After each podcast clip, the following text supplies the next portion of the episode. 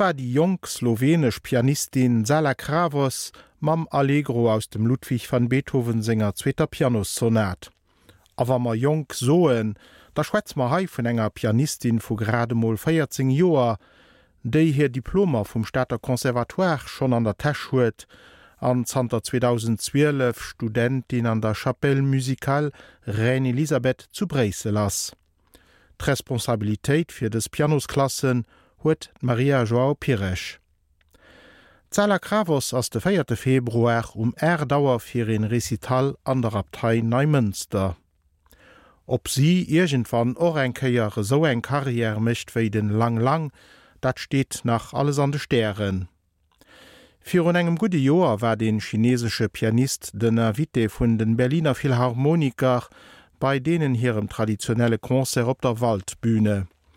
Muncheren huet d'Evenement sicher op der Tëlle gesinn an erlieft, wéi de lang lang dem Mëtwerkrieg se Pianoskonzerto interpretéiert huet. Den 13. Februar lo bit sichcht Meiglichkeet, den dach awer bisssen kontroverséierten Musikersel an der Villharmonie ze erliewen, an datdoch mam Pianoskonzerto vum Etwerkrieg. Et gëtt net vill Pianisten wot Menungen dermossen ausenaner ginn, vun onmoosiger Begeerung a grenzenloser Bewonnerung bis just bei den Konträr die grundsätzlich Oflehnung vu segem exhibitionistischen Pianospiel. Am Februar ass den lang lang mam National Symphony Orchestra op Europatournee. Den Orchester den zu Washington Dohemas mecht eben den 13. Februar dann halt an der Philharmonie ënnert der Leung vu segem Chefdirigent Christoph Eschenbach spielt den Orchester nieft dem Grieg Konzerto, d'Ouvertür vum Freischütz vum Karl Maria von Weber, an Schönbergfassung vum Johannes Brahms engem échten Pianosquartett. Millauusren Lot Sätz 2 an 3 aus dem Edwert Grieg engem Pianoskonzerto a la Mineur.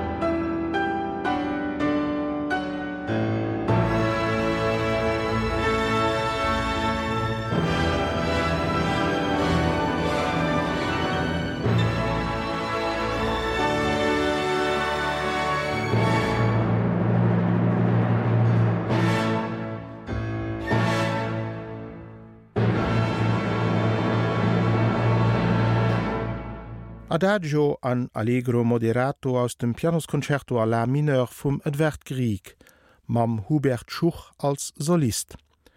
Er gouf begleet vum WDR Symfoieorchester ënnert der Ledung vum Eiwind Atland. Et ass en extré aus enger integral mat der symphonescher Musik vum Edwert Grieg, déi den WDR Orchester am Ablack fir Audite ophëlt. Den Orchester mecht parallel dozo bei demselvichte Label och enger integral vum Robert Schumann senger Musik. Dirigent as Heiden Hoboist a Komponist Heinz Holligach.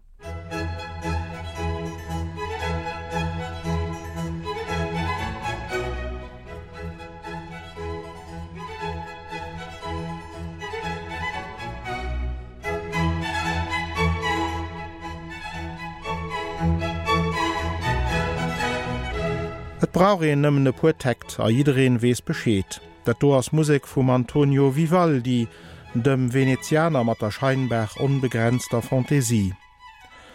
Och wann den Komponist wei iwwer Klassikszene raus e Begriffers bleiften awer eigentlich nach en ziemlich unbekannten. Dat ass op alle Fall Tees vum Musikologern Organist Vincent Bernard. Hinnners op Fältes der de 14. Februar um 5 Wauer Matzingem Ensemble Il Delirio Fantastico an der Altistin Franziska Gottwald an der Porkirch zu Walfer. E Konzer am Kader vun den Rencontre musical de la Vallée de l'Alzette. Mi hunn eis mam Vincent Bernard iwwer sein Vivaldi-Bild ënnerhalen. On lui a donné le nom de Il Delirio Fantastico et un nom pour moi ça signifie toujours un peu aussi un programme, une idée, une approche vers la musique baroque. Euh, qu'est-ce qui se cache vraiment derrière euh, ce nom? Justement il, se cache euh, une approche et un programme. Euh, le nom évidemment italien parce que nous travaillons beaucoup sur la musique italienne baroque. Et ces dernières années spécialement sur la musique de vivaldi euh, puisque pour ma part j'effectue une recherche de doctorat et j'écris une thèse sur l'interprétation de la musique de vivaldi. Donc on a voué beaucoup de nos de derniers concerts à ce compositeur musique de Vivaldi, euh, c'est que euh, c'est un style très libre, c'est un style très euh, très fantasque, un peu insaisissable. Le personnage lui-même était quelqu'un de très extravagant, un peu mystérieux. Alors là, on a une grande marche pour l'imaginaire, pour la liberté, et c'est ça qui va surtout nous intéresser dans la la démarche d'interprète par rapport à ce style. Justement, on croit connaître euh, Vivali, on croit connaître sa musique parce qu'il est vraiment un compositeur euh, qu'on trouve beaucoup sur les programmes, mais finalement c'est un compositeur euh, qui reste toujours à être découvert. Oui, c'est un, personnage extrêmement mystérieux. Ce qu'on connaît de la vie de Vivaldi sur le plan biographique est extrêmement mince. Ça tient en quelques informations à peine. Et je crois que ce qui est justement intéressant, c'est que c'était volontaire de la part de Vivaldi. Il a lui-même euh, il a lui-même joué le rôle d'un personnage mystérieux. Il, il vivait volontairement caché, euh, il se montrait rarement en public et quand il se montrait, il faisait toujours un peu comme des scènes. Euh, L'exemple de la rencontre avec Goldoni, qui est relaté dans les mémoires de Goldoni, est assez euh, symptomatique de la manière dont Vivaldi se présente, euh, où il a refusé de recevoir Goldoni et euh, finalement il, il lui a parlé pendant quelques minutes seulement, mais il a fait un cinéma incroyable, un vrai numéro de théâtre euh, il était manifestement une personne extrêmement agitée. Euh, et je crois que Vivaldi a géré son image euh, comme un petit peu peut-être une pop star gérerait son image aujourd'hui. C'est à dire euh, vraiment une, question un peu de marketing là derrière. Il avait un sens des affaires extrêmement aigu une personnalité très compliquée et il a trouvé un, lien entre les deux. Ce qui fait que finalement pour nous aujourd'hui on a une grande quantité de musique extrêmement intéressante et fort peu de renseignements sur la manière de la jouer. Ça laisse euh, une, grande marge dans les choix et c'est pourquoi euh, ce compositeur m'intéresse tellement. Est-ce que sa musique, euh, cette grande quantité, comme vous venez de le dire, est aussi un peu le reflet de cette image de marque que Vivaldi a donné de lui-même? Oui, c'est certain.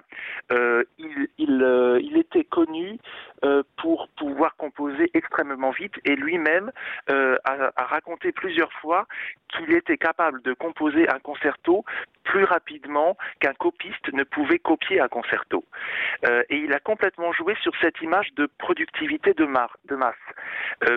À Venise était déjà un centre touristique important au XVIIIe siècle et on venait à Venise les touristes fortunés ou les aristocrates. On venait à Venise pour écouter les orchestres pour voir le théâtre l'opéra la musique et on repartit avec des souvenirs. Alors pour l'aristocratie du XVIIIe siècle un souvenir ça pouvait être euh, un tableau une œuvre d'art euh, une partition euh, de musique vénitienne. Et donc Vivaldi a souvent eu des commandes à faire très rapidement pour des touristes de passage. Cher monsieur Vivaldi pouvez-vous me vendre 12 concertos pour après-demain? Alors il avait développé un certain nombre de trucs pour pouvoir composer extrêmement vite. Et d'ailleurs on a même retrouvé un témoignage.